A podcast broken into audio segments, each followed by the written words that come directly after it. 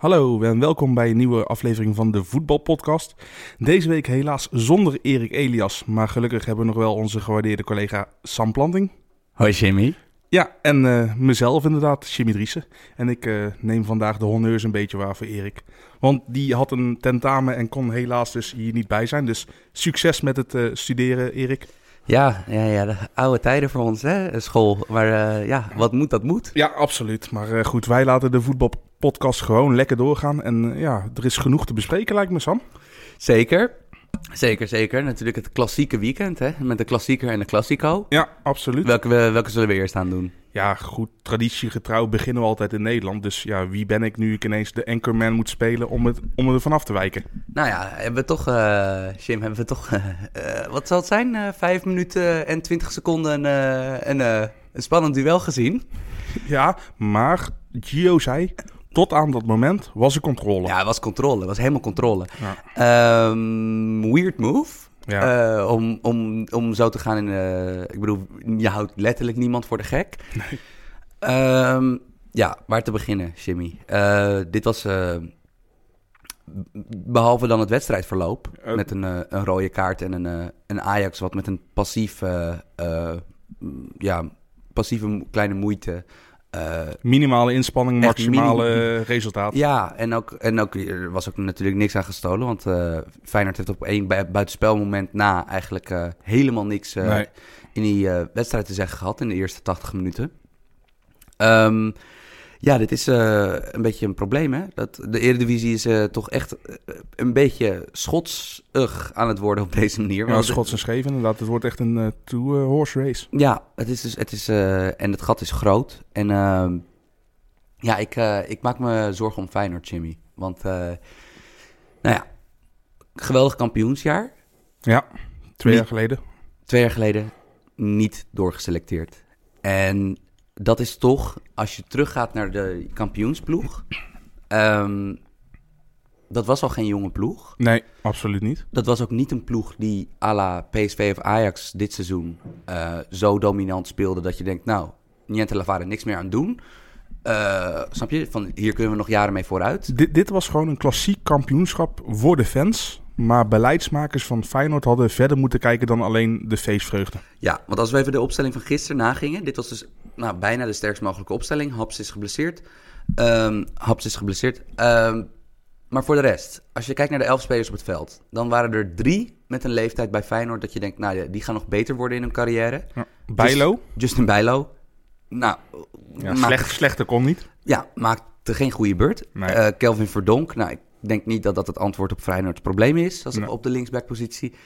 En eh, ja, de negatieve hoofdrolspeler, eh Jeremiah en Justin. Ja, En voor de rest is dit gewoon een ploeg met spelers die eigenlijk op het, ja, waarschijnlijk op het maximale van hun kunnen ze zitten. worden niet beter. En eh, op misschien Jurgensen en Vilena. Berghuis en Vilena na. Ja, Vilena zal ook een minimale transferwaarde hebben door zijn aflopende contract natuurlijk. Maar er zit ook, eh, behalve weinig rek, zit er ook weinig waarde in de ploeg. Ja, en dit is dus echt een beetje een probleem. Want ehm, we, we, we, we, kankeren hier vaak op Gio. En eh, op zijn eh, op Van Bronckhorst eh, ja, toch wel ge- gebrekkige tactische vermogen. Wat, wat, ja, ik bedoel, het is altijd hetzelfde bij Feyenoord. Het was voorspelbaar, alleen nu had hij wel toch rekening mee gehouden met zijn positionering. Dat, ja, de dat eigenlijk is, uit- uiteindelijk is het een soort 4-4-2 geworden tot, ja, tot de zesde minuut natuurlijk. ja, en het was dus de bedoeling dat eh, in plaats van Jurgensen en Van Persie voorin stond Jurgensen eh, eh, ja, hangend linksbuiten. Om, eh, om de, zeg maar, een fysiek voordeel te hebben op, op Mazraoui als, als directe tegenstander. Aan Ja. de andere kant, zelfs dat plan vond ik een beetje twijfelachtig. Want fijn, Ajax is een sterk zonaal verdedigende ploeg. Ja, dus Feyenoord absoluut niet. Nee, en Feyenoord niet. En ehm, nou ja, het was gisteren... Ja, er was, één, er was één speler waar nog een beetje iets van uitging. Dat was Berghuis. Nou ja, je kan ook zeggen, Filena was ook... eh, Nee, ik, ik vond Vilena vond ik niet goed. Hij was niet goed, maar er, er kwam in elk geval wat van uit. Van, snap je, hij probeerde wat. Ehm, ik denk ook dat... eh, eh, ja, de, het enige echte moment van gevaar, dus buiten, dat, buiten die buitenspelmomenten op die, op die counter na een half uur, was, was een counter van hem en Jurgensen. Ja. Waar Jurgensen toch besloot verder te dribbelen in plaats van hem op uh, Vilena te steken. Snap ik op zich ook wel van Jurgensen, want hij kreeg al zo weinig ballen. Hij kreeg al zo weinig ballen. Maar dit is, ja, dit is wat jij zegt. Is, behalve dat het een oude ploeg is, het is een ploeg is die ook niet echt doorverkoopwaarde heeft. En het is ook niet zo dat er, uh, zoals nou ja, bij de concurrentie wel een beetje het geval is, er staan ook niet heel veel talenten op de deur te kloppen. En, um, en, als het al talenten zijn, dan zijn het vaak op posities die al goed bezet zijn. Kijk naar een Vermeer en een Bijlo. Kijk naar een Malasia en een Haps. En Vente, Dylan ja. Vente. En, ja, goed. Um, die, ik, ik, verwacht wel dat Jurgens uiteindelijk wel vertrekt. En ja, Van Persie is al in zijn laatste seizoen bezig natuurlijk. Ja, maar het is toch gestructureerd van... Kijk, aan zich kan je over al deze spelers zeggen... Ja, het zijn wel prima spelers. Maar aan de andere kant, als je de kampioensploeg van uh, twee jaar geleden van Feyenoord. Als je die naast de, naast de, de ploegen toen de tijd van Ajax en PSV zou leggen, zouden ze denk ik op vijf of zes posities een plusje krijgen. Dat je zegt van nou, ja, daar kan je over debatteren dat ze in ieder geval gelijkwaardig of misschien iets beter of iets minder zijn. En ik durf toch echt gisteren te stellen dat heel misschien met de uitzondering van Van Persie Dolberg. Ja, maar dan, en Van Persie dan meer als, als topfitte Van Persie ja, is en natuurlijk. Ook, en Van Persie gaat nog gespeeld nog zeven maanden profvoetbal en ja. stopt daarna. Terwijl Dolberg nog 12 ja. of 15 jaar meegaat. Dus Van Persie is ook wel een beetje een oeuvrekeus. Maar Behalve zou, dat hij goed is Je zou kunnen zeggen dat als je het gaat afvinken gisteren positie per positie... dat het gewoon... Uh, dat het uiteindelijk 11-0 voor Ajax is. Ja, of ja, stel voor dat je Van Persie wel het voordeel geeft 10-1. Ja. Maar goed, dat is... Ja. En dat is heel zorgwekkend. Ja. Want ik bedoel, ja, het gaat hier om de derde, het gaat hier om de derde ploeg van Nederland. Ja, en kijk, en oké, okay, ze hebben een mindere selectie, maar ze hebben ook gewoon veel minder mogelijkheden dan de to top 2. Laten we de top 2 ja. toch maar noemen. Ja, en daarom vind ik het, het blijft gewoon een beetje vreemd. Ik, ik, vind, ik begrijp het win nu, um, ik begrijp de win nu keuze van Feyenoord echt wel.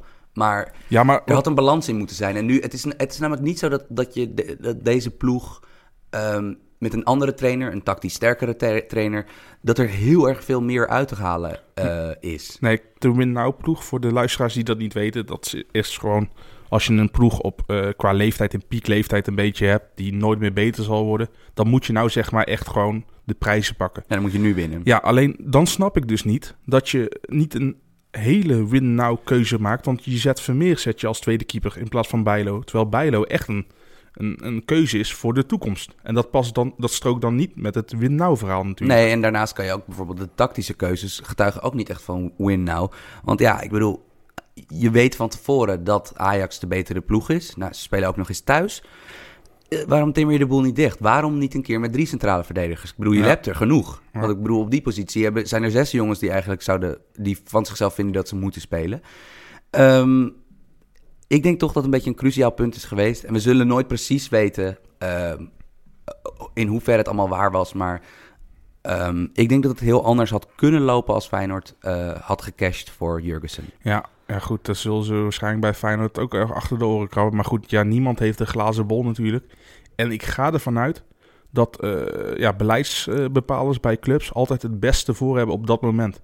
Ja, en als ze op dat moment echt dachten dat, dat Feyenoord nog een run kon maken, dan snap ik het. Maar ja, goed, achteraf is voor ons heel makkelijk praten natuurlijk. Van had verkocht moeten worden. Ja.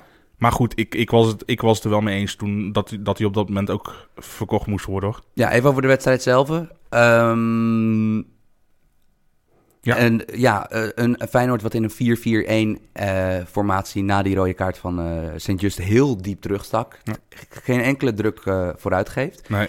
Uh, wat dus in wezen beteelde, be betekende dat het een speeltuin werd voor Lasse Schöne en uh, Frenkie de Jong in ja, de eerste helft. Maar het was dus ook maar één ploeg die het tempo kon bepalen. En dat was uh, ook gelijk weer een nadeel voor Ajax. Ja, en ook aan de andere, maar ja, aan de andere kant, ik bedoel, een, ja, ze hebben niks weggegeven. Dus ik snap, ik snap, ik bedoel, het is, um, ja, het, als je het gaat bekijken met een bril op van dat je de fans, zeker, zeker bij de klassieker. Het was geen leuke wedstrijd om naar te kijken nee. qua, qua qua onderlinge dynamiek en uh, mooie passes die er gegeven werden. Want het, er werd heel nee. slordig gespeeld. Maar Ajax hoefde ook niet op volle kracht te gaan. En daarnaast, uh, uh, ja, nee, ik bedoel, en het pijnlijkste moment vond ik eigenlijk in de hele wedstrijd, vond ik dus dat Ten Hag in de rust al kon gaan tactisch experimenteren met een blik vooruit, op het, ja. uh, vooruitgericht op het seizoen. Want Schöne werd gewisseld, controleur werd er afgehaald, Neres werd er ingebracht. Feyenoord en Ajax speelde voor het eerst dit seizoen eigenlijk niet in een... 4-2-3-1? Niet in een, wat je net een 4-2-3-1 kan noemen, of ja, een, een, en dan ook nog eens eentje met echt, met echt positionele vrijheid voor die, voor die twee buitenspelers.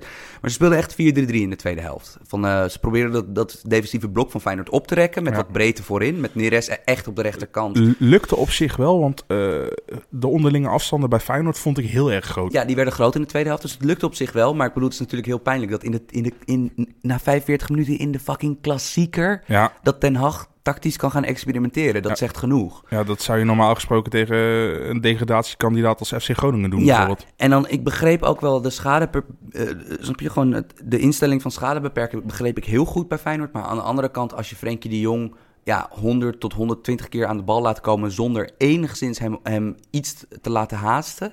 Ja, dan weet je ook al 100% zeker wat de uitkomst gaat zijn. Ja, ik, ik vond Frenkie de Jong niet eens zijn beste wedstrijd spelen. Eh, Het probleem bij Frenkie de Jong, en ik, ik moet eh, ervoor waken dat ik hem niet te veel ga ophemelen.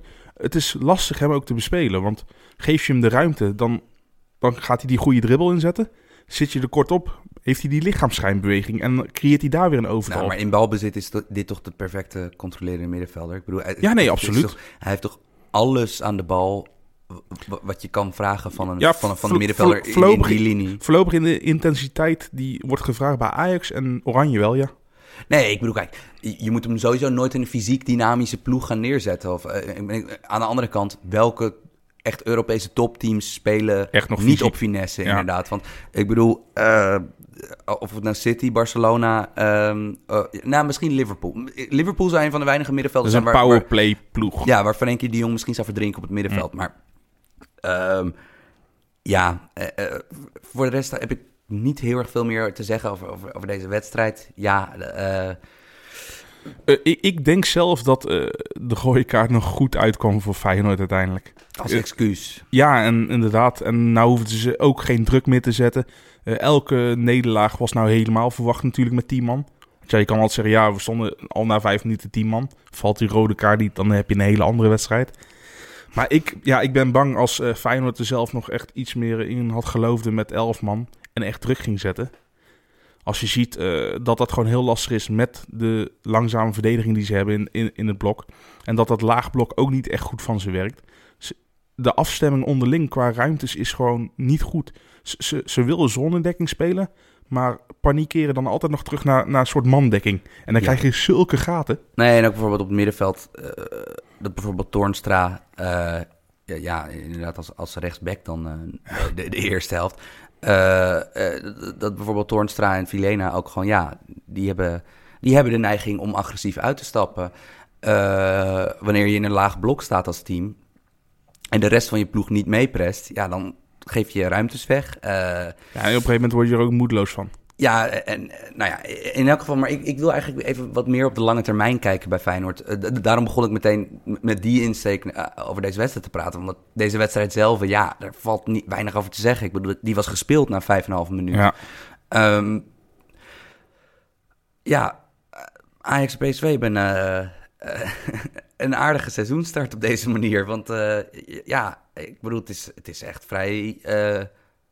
ja, het is toch wel chockerend. eh, het gat elke week eh, Ja.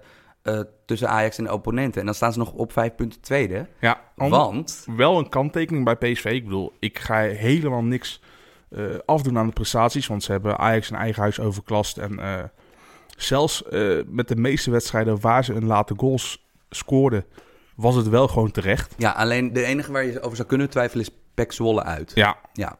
absoluut. Maar ik, ik denk wel dat ze tot nu toe een, een wat relatief makkelijker programma hebben gehad dan Ajax. Ehm, ja, dat weet ik, ik, ik- dat weet ik nog niet. Want ik, ik ben Ja. nog steeds niet helemaal zeker over een paar van die middenmootploegen. Maar ik, ik denk wel, eh, kijk, Ajax heeft, heeft een Vitesse, een Feyenoord, een AZ en een PSV gehad. Ja. Ja, en volgens mij PSV alleen. En Heracles. Ze hebben, de, ze hebben de gele top 5 al gehad. Ja, en VVV ook nog. Mhm. Ja, dus, dus wat dat betreft denk ik het wel. Maar goed, ja, het blijft koffiedik kijken natuurlijk. eh. je kan achteraf pas bepalen hoe, een, hoe zwaar een programma op dat moment was, zeg maar. Ja, maar aan de andere kant, PSV heeft, heeft spelers rondlopen. En dit keer was het de rechtsback of all people, Ja, Denzel Dumfries. Dumfries. Ja, die gewoon individueel een wedstrijd beslist. En Z- Zullen ze in Eindhoven nog terugdenken aan Arias? Ik denk steeds Nee. minder, hè? Nee, nee ik bedoel, dit, maar dit is toch ook een soort van... Dit is behalve een verschrikkelijk goede rechtsback... is dit ook nog eens een soort van cultheld, omdat het zo'n vriendelijke Hij is jongen zo is. likable En is hij inderdaad, zo likable. Is Hij, hij, hij intelligente doet me een beetje denken aan gewoon hoe hij altijd lacht en zo. Een beetje aan Wijnaldum gewoon. Die, die, die ja, vibe nee, krijg maar, ook, het- maar ook hetzelfde inderdaad. Een vrolijke, intelligente Ja. gast die inderdaad heel, heel, snap je, heel normaal blijft en hartelijk blijft, Ja. beleefd blijft. Ehm, ja, over die wedstrijd zelf. Eh, Oh, hij was slecht. het was een slechte wedstrijd. Eh, ik ben nooit zo van op de scheidsrechter zeiken, maar ik vond het een raar gefloten wedstrijd. Ja, ik, ik, ik vond de penalty, vond ik zelfs na VAR, ik, ik, ik heb zoiets van, ze maken beide contact. En volgens mij was zelfs nog het eerste contact was van, eh, van de Groningen. Chabot was dat volgens mij?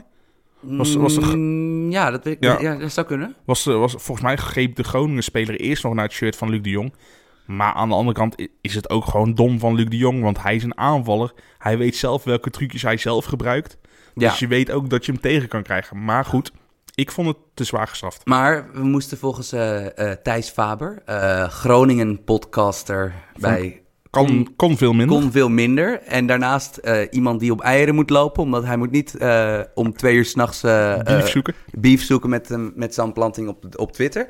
Ehm, die wilde dat wij dit David en Goliath verhaal omschrijven. En dat zei die grappend natuurlijk, Ja. van, omdat Groningen laatst staat, PSV eerste. Aan de andere kant, Groningen heeft wel toekomstige, eh, toekomstige tegenstanders van PSV een redelijk modelletje gegeven van wat werkt. Ja. Want het is toch zo dat als je het centrum dicht houdt. En, en Groningen speelde natuurlijk gisteren of eergisteren vrij.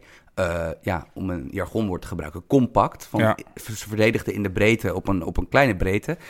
Eh, je kan PSV nog altijd eigenlijk in dezelfde automatismes dwingen als vorig jaar. Wat er, wat, of in de jaren eigenlijk in alle jaren onder Cocu. Dat toch die voorzet, dat een hoge voorzet richting 16 naar Luc de Jong. Dat ze die een heel lekker uitweggetje gaan vinden. Ja, die ja maar het- natuurlijk- het blijft natuurlijk wel een wapen. Het blijft ook een wapen, maar het blijft natuurlijk wel... Ik bedoel, het is ineffectiever dan wanneer PSV gewoon een aanval, een aanval uit zou pro- proberen te combineren... of diepte Ja, probeert te zoeken met, met Ma- Lozano, Malen of, Of eh, Bergwijn. Ja, werd Bergwijn erg gemist? Nee, Malen is goed, volgens Ja. mij. Hè? Dat is volgens mij een... eh, Sowieso voor eredivisieniveau ja, kunnen ze hem... Kijk, Bergwijn is niet te vervangen, maar Malen is wel een goede vervanger. Ja, ik bedoel, we hebben nu wat 300, 400 minuten van die jongen gezien. Niet meer in elk geval dan dat. Maar alsnog, hij oogt, eh oeh, hij, hij oogt dynamisch. En ook eh, knappe goal. Van, ik bedoel, het was makkelijk af te maken goal, maar ook zijn positionering erbij was goed.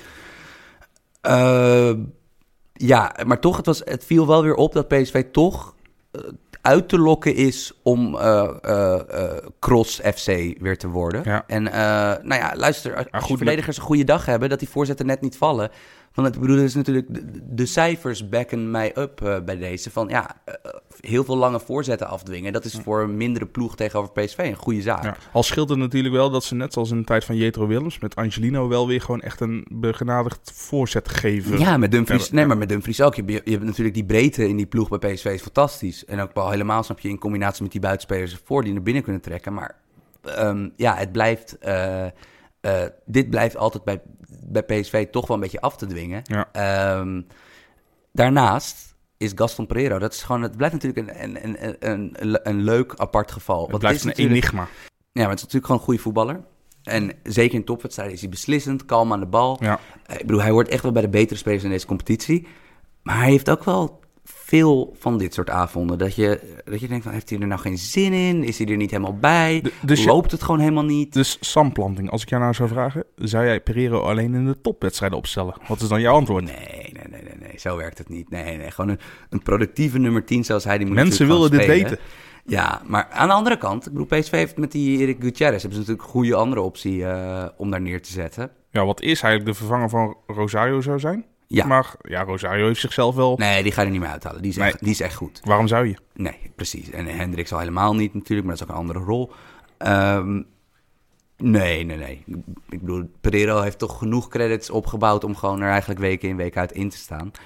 Ehm, maar ja, het is natuurlijk wel in een titelrace. Het is wel, het is wel natuurlijk frustrerend voor de andere partij dat, dat er weer laat wordt gescoord.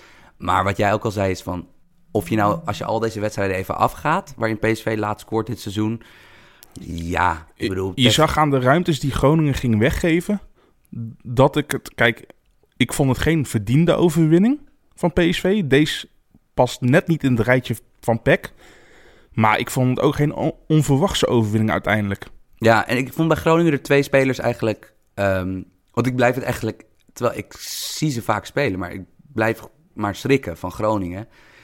En de twee vlaggen op de modderschuit zijn toch weer... Ondanks dat dit een prima resultaat was, snap je? Pas in de 87e Ja. minuut verlies van PSV. Ja, ik vind, ik vind dan Re- Reis en Doan... die gun ik eigenlijk een beter Ja. elftal om zich heen dan ze nu Ah, moet ik zeggen, handwerker, deed prima. Ja, ja, ja. Maar, maar, doet zijn best. maar Thijs Faber had nog een vraag. Eh, deze haal even uit de mailback naar voren natuurlijk. Wat zou jij doen als... Wat zou jij als jij Chabot zou zijn? Wat zou je doen als Dumfries zo op je af zou sto- stomen? Ja, nou, nou deed hij niks. Doodtrap. Ja, sorry, je, ja, maakt- ja, je maakt toch een overtreding in de 87ste minuut? Denk ja, ik dan toch? Maar dat, Geen, een doodtrap hoeft ook weer niet, maar... Ja, oké, dat is misschien mijn, mijn speelstijl. Maar ehm, eh, ja, maar dat, dat, ik vind dat altijd moeilijk om individuele momenten er dan uit te lichten. Want ik bedoel, het ging natuurlijk... Hij was echt op stoom, Ja. zeg maar. Dit was, dit was En, het ging die al balverlies. eh, bij Groningen ging eraan vooraf natuurlijk. Ja, het was ongeveer op 60 meter van eigen goal. Mm. Maar het was ook nog eens zo dat Dumfries pikte die bal op, al op volle snelheid. Ja. En die andere moest nog beginnen Ja, te sprinten natuurlijk. Maar, maar ik begrijp de vraag waar je vandaan komt. Van, ik bedoel, ja, dit is normaal gesproken eentje waar je gewoon een gele kaart voor het team pakt. En gewoon iemand neerschoffelt. pro- Ja, probeer gewoon een, een, een- zoals je laatst ook zag, een rugby tackle of zo. Niet met het om iemand te blesseren, maar echt puur om, om echt de counter eruit te halen. Ja, maar ja, dat ik... ik Maar het, het blij- het blijft voor ons heel makkelijk praten natuurlijk. Mhm. Ik denk dat ehm, Groningen hier niet te veel eh, eh, consequenties aan deze wedstrijd moet verbinden. Want dit is niet waar hun problemen liggen. Groningen toch een beetje een morele winnaar? Nee. Nee? Nee, want, want ik denk namelijk niet dat, dat, ehm, dat ze zo kunnen terugleunen in andere wedstrijden. Hm. Want ik denk dat dat bijna...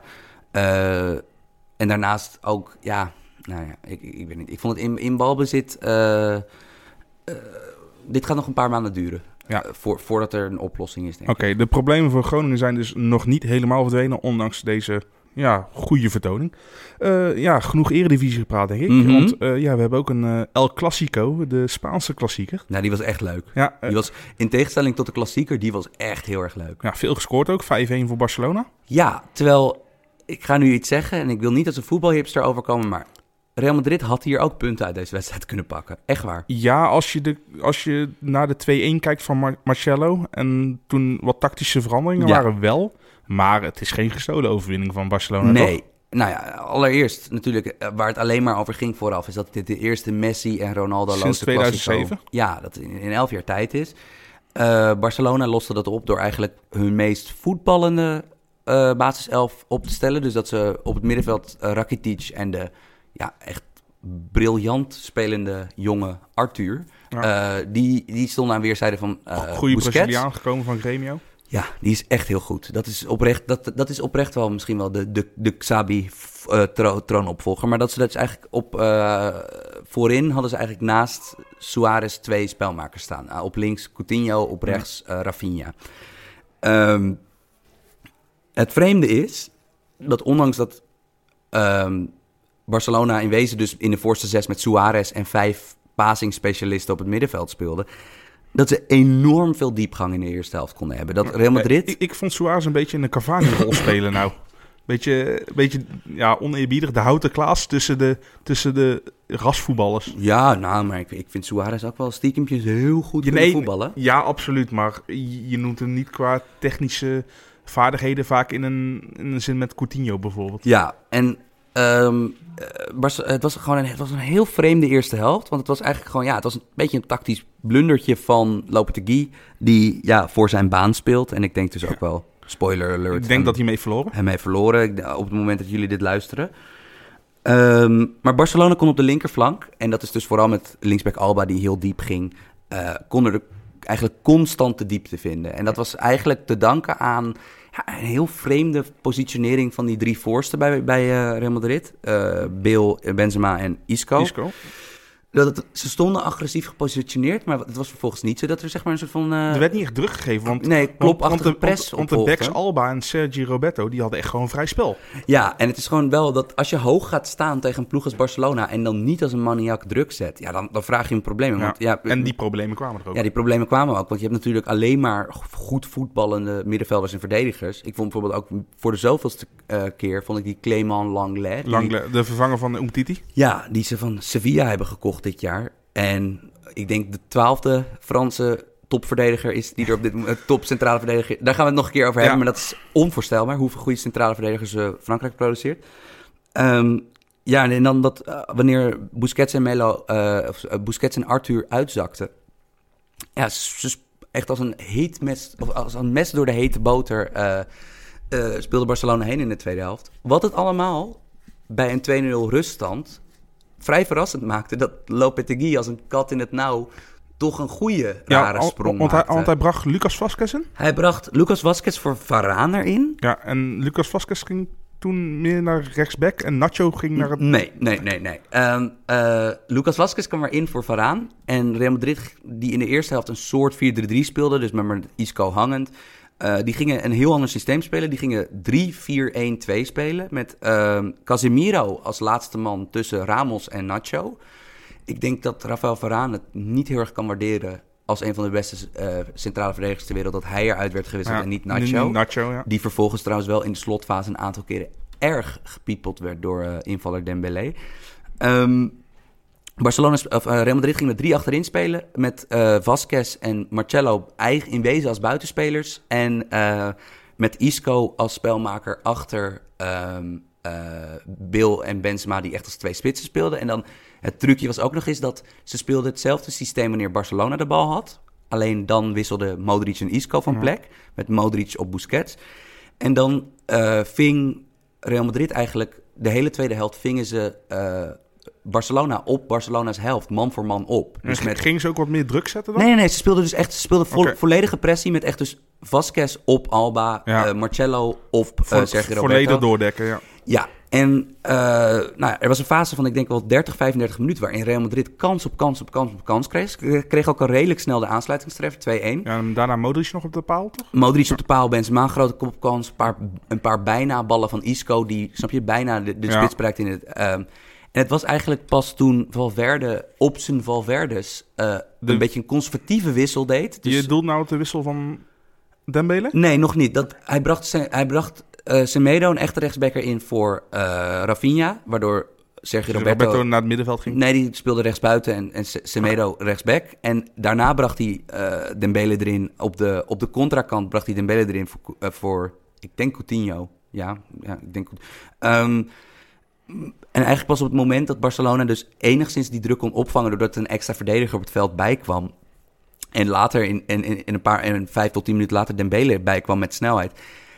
Ja, ik bedoel, het was een kamikaze-tactiek van Real Madrid. En toen, toen eigenlijk pas Real Madrid dit kon opvangen... Met een, vooral op, die, op, die, op hun rechterflank... omdat Marcello echt hem ging in de tweede helft. Hard as a motherfucker. Ja. Van, hij is, ik bedoel, dat Marcello is nog altijd een van de vijf, zes beste voetballers ter wereld. En dat als linksback. Dat Kon, is kon Madrid hem maar klonen, want dan kon je hem links buiten, linksback en spits zetten. Holy moly, wat een voetballer. Ja. Ehm, eh, en eh, toen counterde Real Madrid het eh, helemaal, of werd Real Madrid helemaal uit de wedstrijd gecounterd. En eh, ja, heb je dus een 5-1 stand op het scorebord.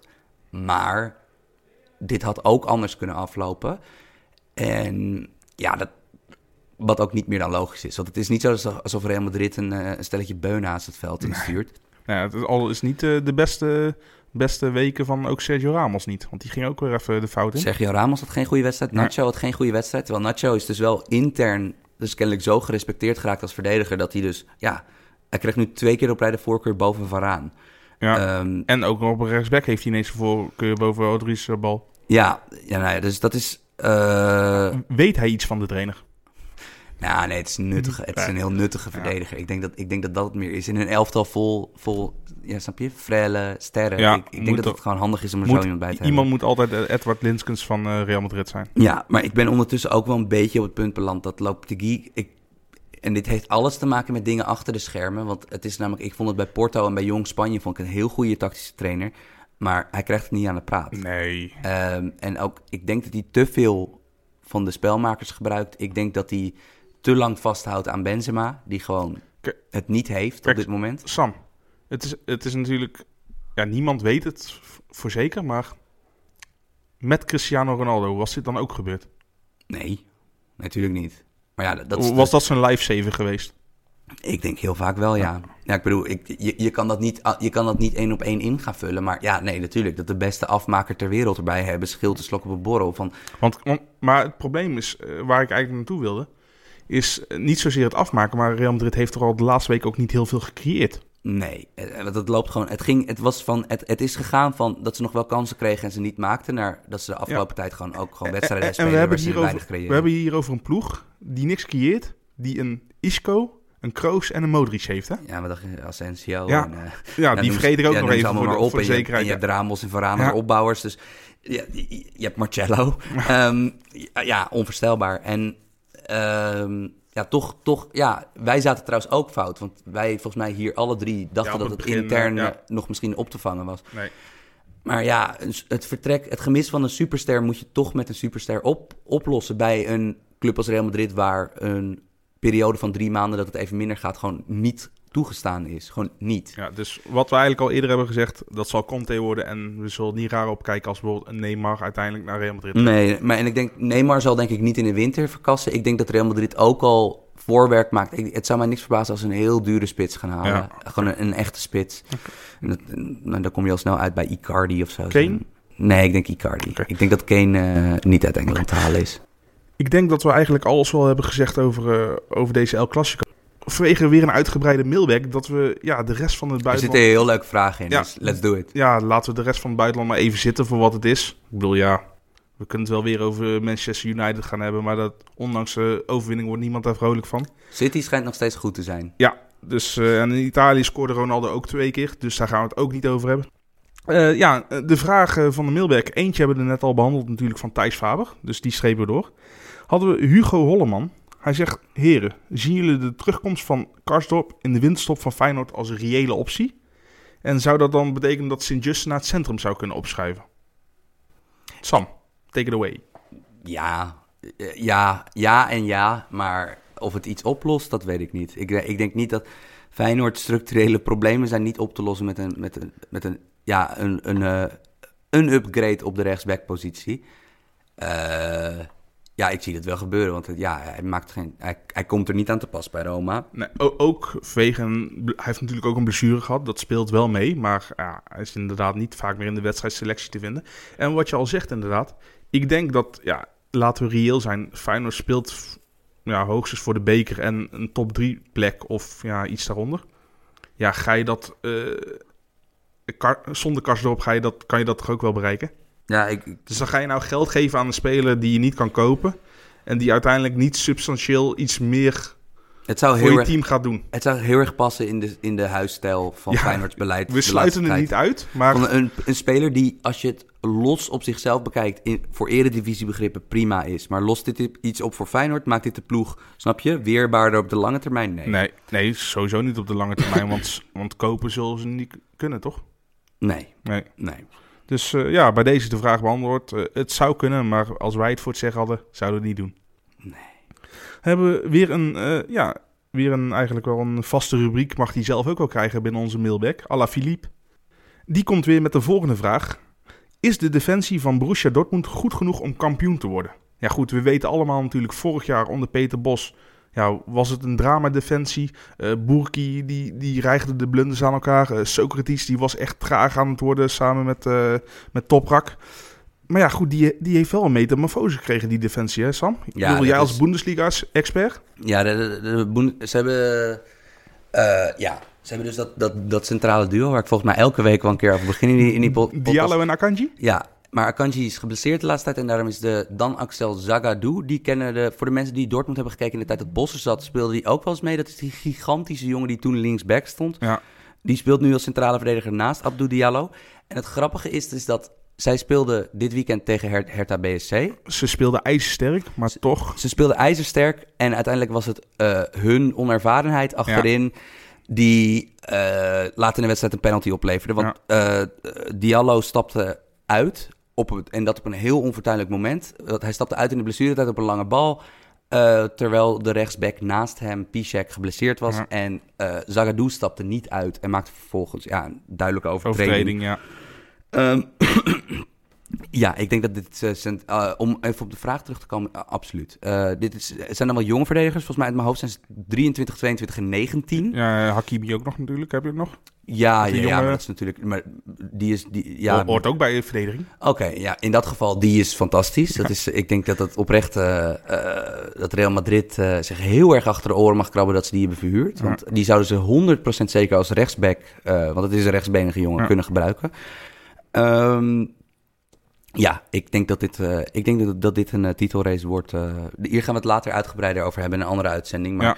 dit, dit, dit, dit, kan een, dit kan een titelrace tot het einde worden. laat- ik heb dusdanig veel vertrouwen in Dortmund. Het ziet er in ieder geval steeds beter uit. En als het bij Bayern ook nog zo rommelt, dan Ja. ja, kunnen ze wel ver komen. Niet, niet het komend weekend, maar het weekend daarna spelen Bayern en Dortmund tegen elkaar. Dus dan worden we al een stuk wijzer. Maar ja, dat is een wedstrijd op zich, heb ik Erik Elias wel eens horen zeggen.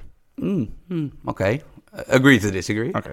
Dan gaan we door naar de volgende vraag. Die is van Thijs Hessel, Heeselmans. En hij vraagt, een leuke vraag ook. Zien jullie Davy Klaassen als serieuze kanshebber voor een plekje in de basis bij Oranje als hij deze lijn blijft vasthouden? Even voor duidelijkheid, eh, We blijven in de Bundesliga in elk Ja. geval. want eh, hij doet het goed bij Werder Bremen en Werder Bremen doet het ook gewoon goed. Ja, en toch is 1 en 1 dan niet meteen 2. Nee. Want Nederlands elftal, ik zou dan niet weten wie er voor hem moet wijken in het Nederlands elftal. Want Frenkie de Jongste is duidelijk, snap je, de belangrijkste speler op het middenveld. Wijnaldum gaat sowieso niet banken. Wijnaldum er sowieso niet uit. En Koeman wil er sowieso een breker hebben naast om te compenseren voor de, eh, eh, snap je, het- Ja, want de absentie van fysieke kracht bij, anders bij de stel je. Martin de Roo niet op. Nee, dus eh, ik zie voorlopig misschien als hangende rechtsbuiten. Van als hij weer besluit dus met maar Ja. één buitenspeler te spelen en op de andere flank met een middenvelder die naar binnen komt. Dan zie je Klaassen inderdaad best een rol spelen. Aan de andere kant, Klaassen is een geweldige, eh, nuttige speler. Ja. Maar het is niet per se zo dat hij de individuele kwa- kwaliteiten heeft die eisen dat hij een basisplek in Oranje moet Maar hebben. Hij, hij zou af en toe inderdaad nog wel eens opgeroepen kunnen worden. En wie weet ontwikkelt hij zich wel weer verder naar zijn slechte jaar bij Everton natuurlijk. Maar voorlopig hebben we, lijken we heel voorzichtig weer een beetje een luxe positie te creëren qua, qua diepte, qua middenvelders die we hebben. Zeg maar. Nee, nou, Nee? dat- nee, ik vind het is breed. Je hebt, Nou, veel, je hebt veel dezelfde smaken, maar het is natuurlijk Nee, maar behalve je- je- Frenkie de Jong nog steeds is het allemaal. Prupper heb je nog? Ja, maar is dat is Prupper top?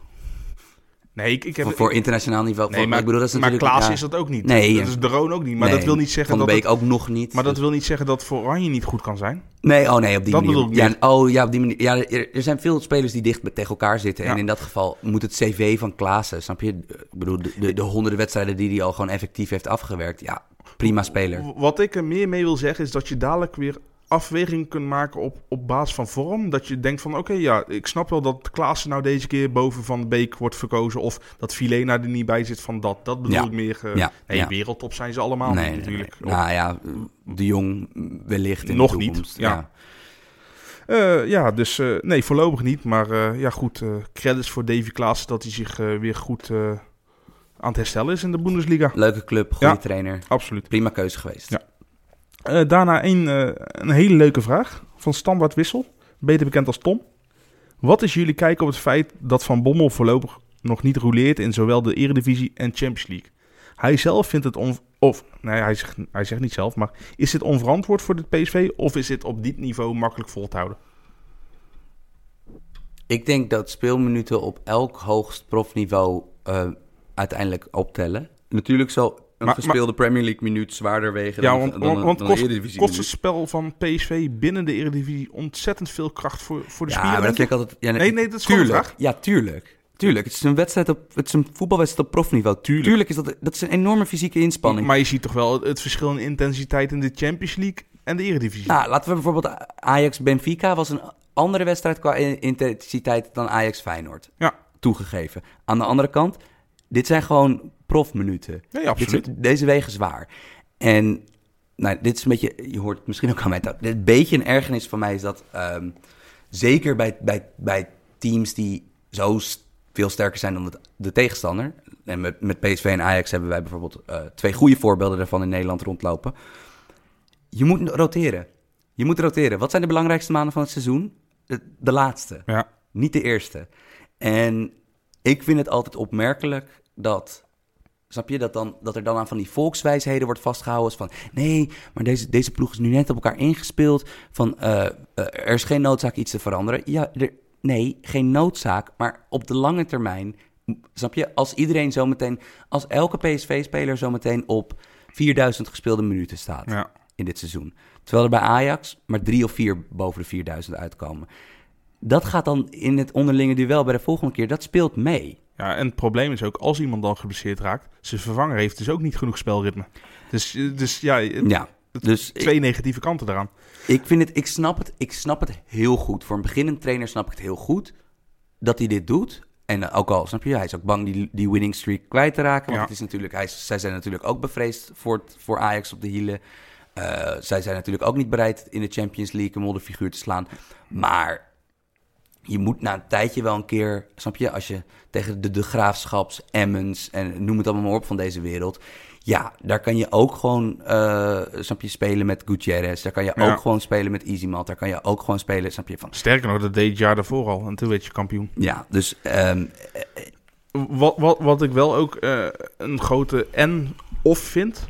Ja, wat gaat er in het Europees verband bij PSV gebeuren natuurlijk? Kijk, zijn ze na de winter wel al klaar? Dan scheelt dat toch best wel weer wat midweekse belasting. ja, dan kan je... Ja. dat, dat, dat, dat scheelt wel heel erg veel. Maar eh, ja, ik denk dat PSV, als ze Europees uitgeschakeld worden... ook wel interesse hebben in het bekertoernooi. Ja, Daar zijn trainers dan weer gek genoeg in Nederland wel bereid te roteren.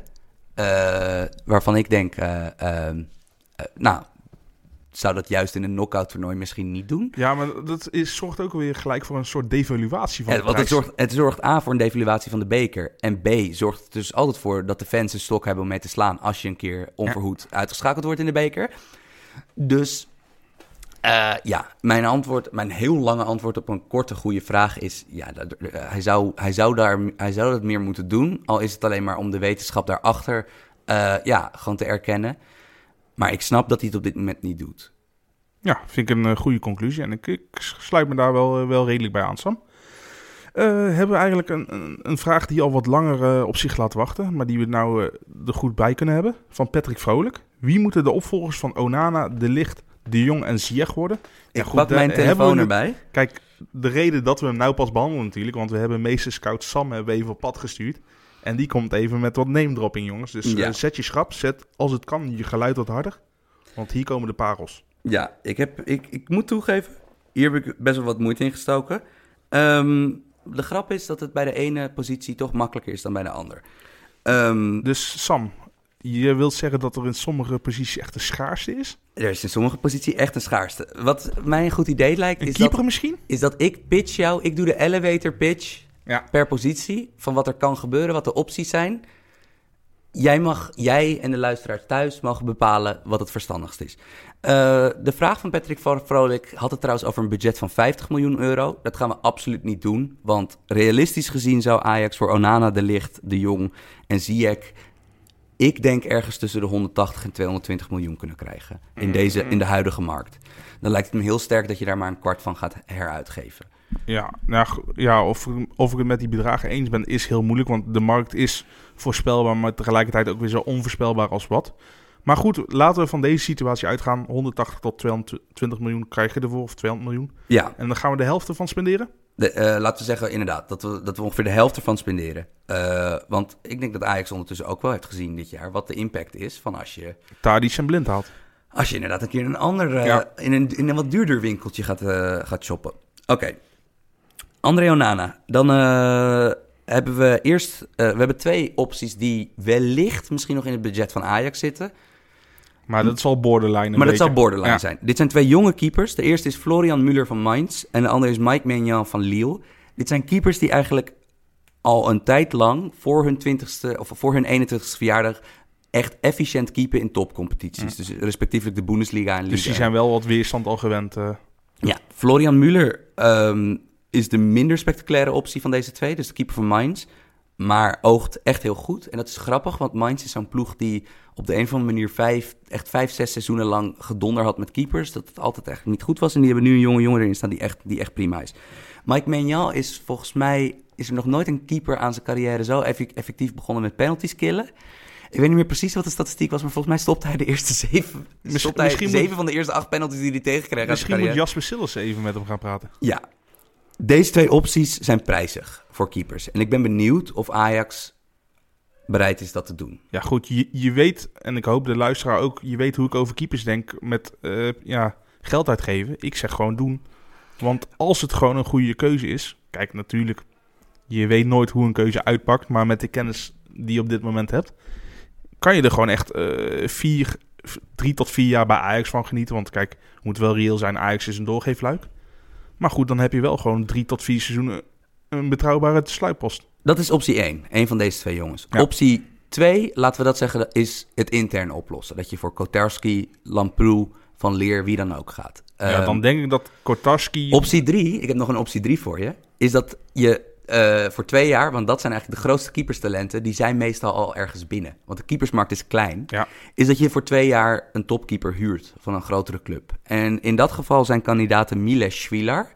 Dat is een van Bel- Benfica? ja, dat is een Belgisch-Servische keeper. Eh, heeft Benfica op zijn ze- zestiende over, eh, overgenomen van Anderlecht. Ja.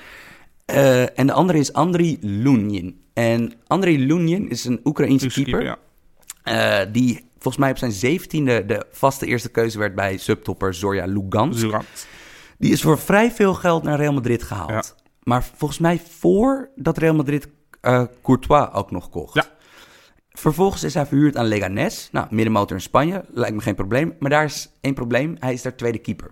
Ehm, Zo'n jongen moet spelen. Zo'n jongen moet keeper, want dat is een goede keeper. Dat is, die, heb ik, die heb ik gepakt, is een keeper die is goed. Dat zijn de drie opties eh, om Onana. Ja, ik, ik ben optie 3 bijvoorbeeld van Loenen vind ik toch altijd wat tricky. Want je, kijk, we mogen niet generaliseren, maar je ziet wat een jaar Smolov en een jaar Zinchenko in Nederland heeft opgeleverd. Mhm. Ja, helemaal niks natuurlijk. Mhm. Dus als, als je die zou huren, dan zou ik het inderdaad wel echt voor twee tot drie jaar. Of misschien, ja, kopen zal lastig worden met een terugkoopclausule of weet ik veel wat. Maar ik zou hem niet echt maar voor als, eh, als stopgap, als noodoplossing voor nu zien. Eh, ja, Kotarski hebben ze, heel veel, eh, hebben ze heel veel vertrouwen in, volgens mij. En ik denk dat dat de meest waarschijnlijke optie is. Want ja, zo hebben ze het uiteindelijk ook met Onana gedaan. Met enige kanttekening is dat ze natuurlijk eerst Krul als eerste keeper hadden binnengehaald. En Onana het gewoon goed bleek te doen, terwijl Krul geblesseerd was. Maar ik, ik, ik, ik kies voor optie 2, want ik denk niet dat eh, Ajax de portemonnee echt gaat trekken voor een keeper. Maar dat is goed nieuws, want dat betekent dus dat we Meer geld hebben voor de andere. meer geld hebben voor de anderen. Matthijs de Licht opvolgen, jongens, wordt een groter probleem. Want ehm, ja, centrumverdedigers zijn doorgaans niet heel erg jong. Van, dat zijn meestal ervaren verdedigers. Want dat is een, misschien wel de moeilijkste positie op het veld om te perfectioneren. En dat maakt ook Matthijs de Licht misschien zo'n speciaal talent. Ehm, een optie die ik wel interessant vind, is een speler die, waar tegen Ajax twee keer heeft gespeeld dit seizoen. Dat is Dario Marezic van Sturm Graz. Dat is Ook eigenlijk... een jonge gast nog, hè? Dat is een piepjonge verdediger. Ja. En ik moest toch wel een beetje in het segment verdedigers gaan kijken die eh, comfortabel in balbezit zijn. Kan communiceren met Weber. Kan communiceren met Weber. Zelfde competitie, zelfde nationaliteit, Oostenrijks. Eh, is jong, is, is ook redelijk lang, eh, maar is dus een voetballende verdediger. En ik vond hem redelijk aardig ogen in Ja. die wedstrijd tegen Ajax. Absoluut. Dan, ik denk de sensible option, dus zeg maar de, de degelijke saap eh, van, de, van de drie verdedigers die ik voor je Bu- aanbieding. Bulthuis? Nee, helaas niet Job Bulthuis. Die moet nog heel veel zich herpakken bij Heerenveen. Da- Dave Bulthuis. Oh, sorry, Dave, Dave Bulthuis. Ehm, Niklas Stark. Dat is een verdediger die eigenlijk al, een- ik denk al een seizoen of drie Hertha? in de basis staat bij Hertha. En ik zat toch een beetje te kijken naar, ik zat te herinneren, ik zat een beetje data erbij te pakken van wat is nou een de licht light? Van wat is nou een grote... De Light. De light. De light light. Ehm, en dan kom je toch een beetje bij dit- een jongen zoals dit uit. Probleem is wel, Niklas Stark zal niet goedkoop zijn. Nee. Dit is een dragende speler bij Hertha BSC, subtopper in Duitsland. Iemand die ook, ik denk, wanneer Hummels en Boateng wegvallen, in aanmerking komt voor het Duitse elftal. Ehm, aan de andere kant, het is een gigantische gast. Hij kan goed voetballen. Hij kan echt goed voetballen voor verdediger. Hij is ook comfortabel met links, terwijl hij rechtsbenig is. Eh, en hij is relatief snel voor zo'n grote jongen. Dus je zou dan, als je echt die zeldzame kwaliteit van de licht op 80% wil vervangen, zou dit je optie zijn. De derde optie is het meest ambitieus. Dat is een oude bekende terughalen. Ehm, eentje die eigenlijk nog steeds niet echt de kans krijgt. Dat is Timothy Fosu-Mensah. Van, ja, bedoel, ondertussen international ge- geworden als, als Is rechtsback. inmiddels 21, denk ik, of zo? Is inderdaad, is nog steeds heel jong. Eh, heeft natuurlijk wel, erv- wat heeft natuurlijk, ja, is door Manchester United een paar keer verhuurd. Maar hij komt nog steeds niet echt aan de bak daar. Ja. Ik denk dat als jij bijvoorbeeld Ajax speelt volgend jaar, als die weer Champions League spelen, ik denk dat dat helemaal geen gek idee is om daar misschien een keer een balletje over. Ja, vind ik een hele mooie oplossing. En eh, in dat geval zou het dan ook nog weer een kwestie zijn van. eh, de andere optie die ik voor je de aanbieding heb, is het intern opvangen. Per schuurs krijg je dan een Weber. Ja, maar dan, als je Weber, dan zou je dus, als je Weber kiest, dan krijg je twee linksboten in het centrum. Ik weet niet of Den Haag dat wil. Ehm, Ja, maar dat vind ik altijd heel apart. Want twee rechtspoten willen clubs vaak wel. Althans vinden ze geen probleem. En twee linkspoten niet. Is Ja. discriminatie naar linkspoten, jongens. en dan, eh, dan gaan we nu, schuiven we twee linies naar voren. Dan gaan we kijken wie Hakim Ziyech kan vervangen. Eh, hierbij wel... Frenkie de Jong slaan we over? Of? Nee, die doen we als laatste, Oké. want die is het, die is het, eh, het juiciest. Ehm, Hakim Ziyech, eh, het pijnlijke is natuurlijk dat Ajax al een vervanger voor hem heeft gehaald. Labiat. Ja. En het is de vraag of zijn spel recht trekt, of die misschien toch het beno- benodigde niveau bij had. Ja, en dat niet alleen. En dan heeft Labiat het, het geduld. Ja, en het is daarnaast gewoon... Ik vrees dat Ziyech, voor de Ziyech-positie... dat we toch moeten hopen op aanwas eh, eh, uit de Ajax-jeugd. Of dat Ajax bij een van de andere Nederlandse clubs... een enorm technisch talent eh, alsnog weet over te halen te komen. Want ja, creatievelingen... Snap je? Creatievelingen onder de 21 halen... die zijn meestal spelen die al, al bij grote clubs. Ik wil namen horen, Sam. Ik wil namen horen. Ik begin, we beginnen weer, zoals bij elke positie, beginnen we met een eh, oude bekende. Eh, Mason Mount. Ja. Mason Mount heeft vorig seizoen bijzonder een productief eredivisie seizoen gehad. Dus Ja. we weten dat hij in elk geval voor de stijl voetbal die hier gehanteerd wordt, dat het een geweldige spelmaker is. Is inmiddels eh, opgeroepen ooit geweest voor het Engelse nationale team... terwijl hij bij Derby County zit, Ja. Is, minder, is natuurlijk een minder spectaculaire en minder, eh, minder elegante voetballer dan, dan, dan Ziyech. eh Oh, maar wel qua balbehandelingen. Maar wel een die heel veel van dezelfde soort kwaliteiten. Dus inderdaad met de traptechniek, met de één op eens, met de lange passing, met, ja, met toch wel rust aan de bal. Dat zou natuurlijk een optie zijn. Maar ja, dat, is dan, dat zou dan voor een club als Ajax lijkt me dat geen huurconstructie. Nee. En dan wordt het dus weer een verhaal van dit zou een prijzige jongen worden. Hetzelfde geldt voor de volgende. In dat geval zouden we eh, Hakim Ziyech gaan vervangen met een, met een landgenoot. En eentje eh, die bij eigenlijk een subtopclub in de Bundesliga speelt. Heb je het over Harit? Ik heb daarvoor Amin Harit. Misschien wel mijn favoriete niche voetballer eh, op dit moment nog steeds. Kan het kloppen dat ik die vaker hier in de voetbalpodcast heb gehoord? Amin Harit, ja, sowieso, Ja, sowieso, sowieso. Dat eh, eh, geweldig mooie voetballer. Ik bedoel, als je het nou hebt over getalenteerde dribbelaars. Nou ja, je, je, komt, je, je kan ongeveer niet verfijnder uitkomen dan Amin Harit. Probleem is dus wel dat dit een toptalent is waar Schalke al een significant bedrag voor heeft betaald. Aan de andere kant, als Schalke Champions League voetbal misloopt... en daarnaast is Schalke eh, door een zwakke seizoenstart... zijn zij nu heel direct voetbal gaan spelen... wat niet echt heel erg bevorderlijk is voor ja, een- echt frelle technicus als Amin Harit. Je weet het nooit. Van misschien is zo'n jongen wel eh, met Champions League voetbal te verleiden. Van dit, zou, dit is ook absoluut de categorie ambitieus en ook absoluut de categorie prijzig.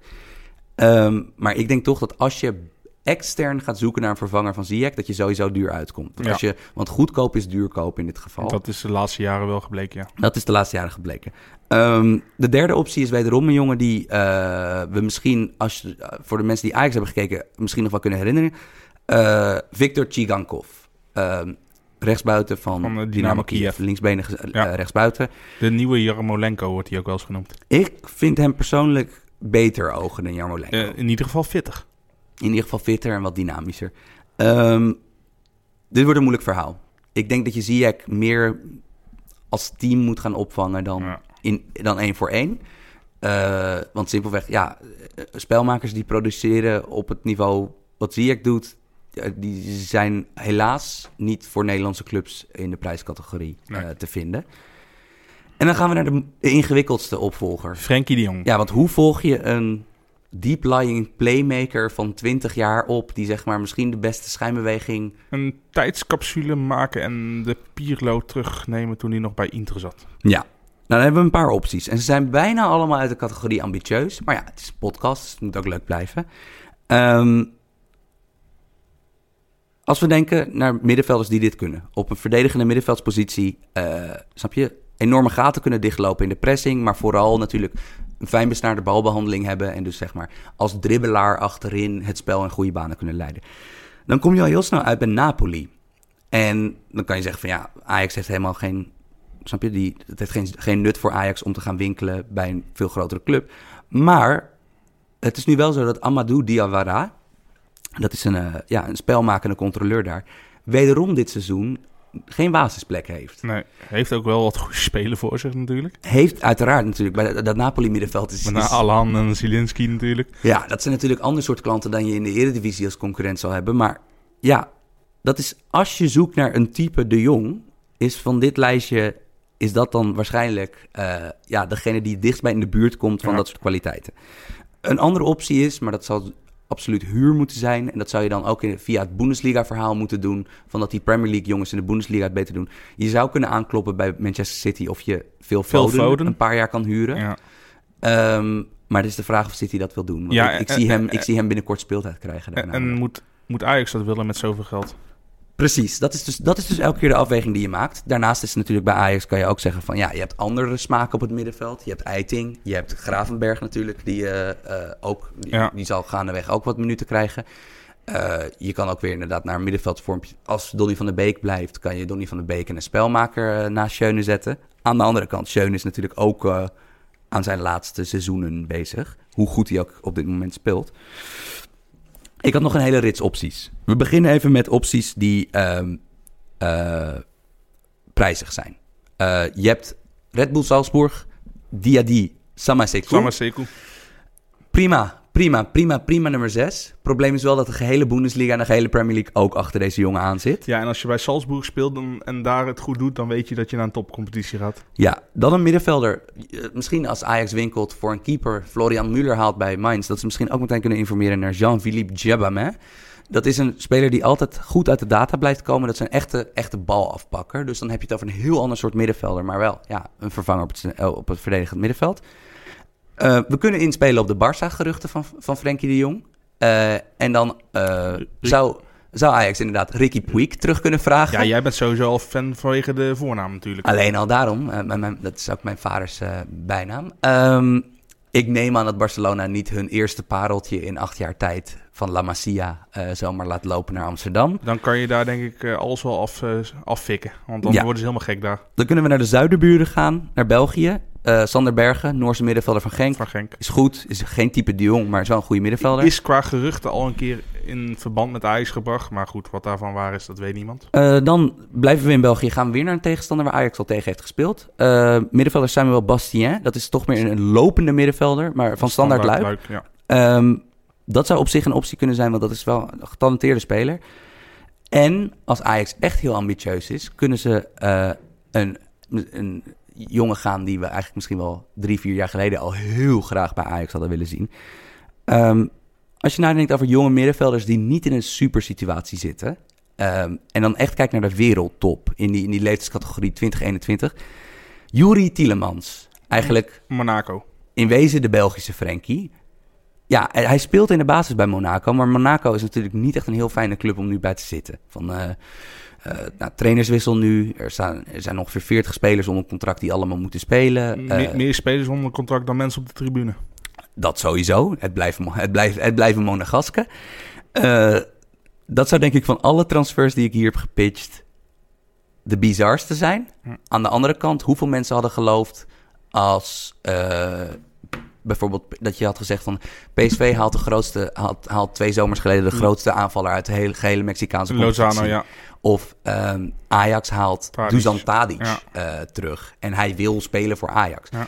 Dus je weet het nooit. Misschien moeten we inderdaad wat ambitieuzer in gaan zetten met dit soort, met dit soort snap je, fantasie-scouting dan we op dit moment doen. Het is in ieder geval leuk om er even over na te denken, toch? En dat het ja, misschien zijn het geen reële namen, maar het, het, is ook weer niet zo dat, dat het helemaal weggelachen gaat worden. Van alle namen die ik heb opgenoemd, wat is de meest logische en wat is de meest waarschijnlijke? Hmm.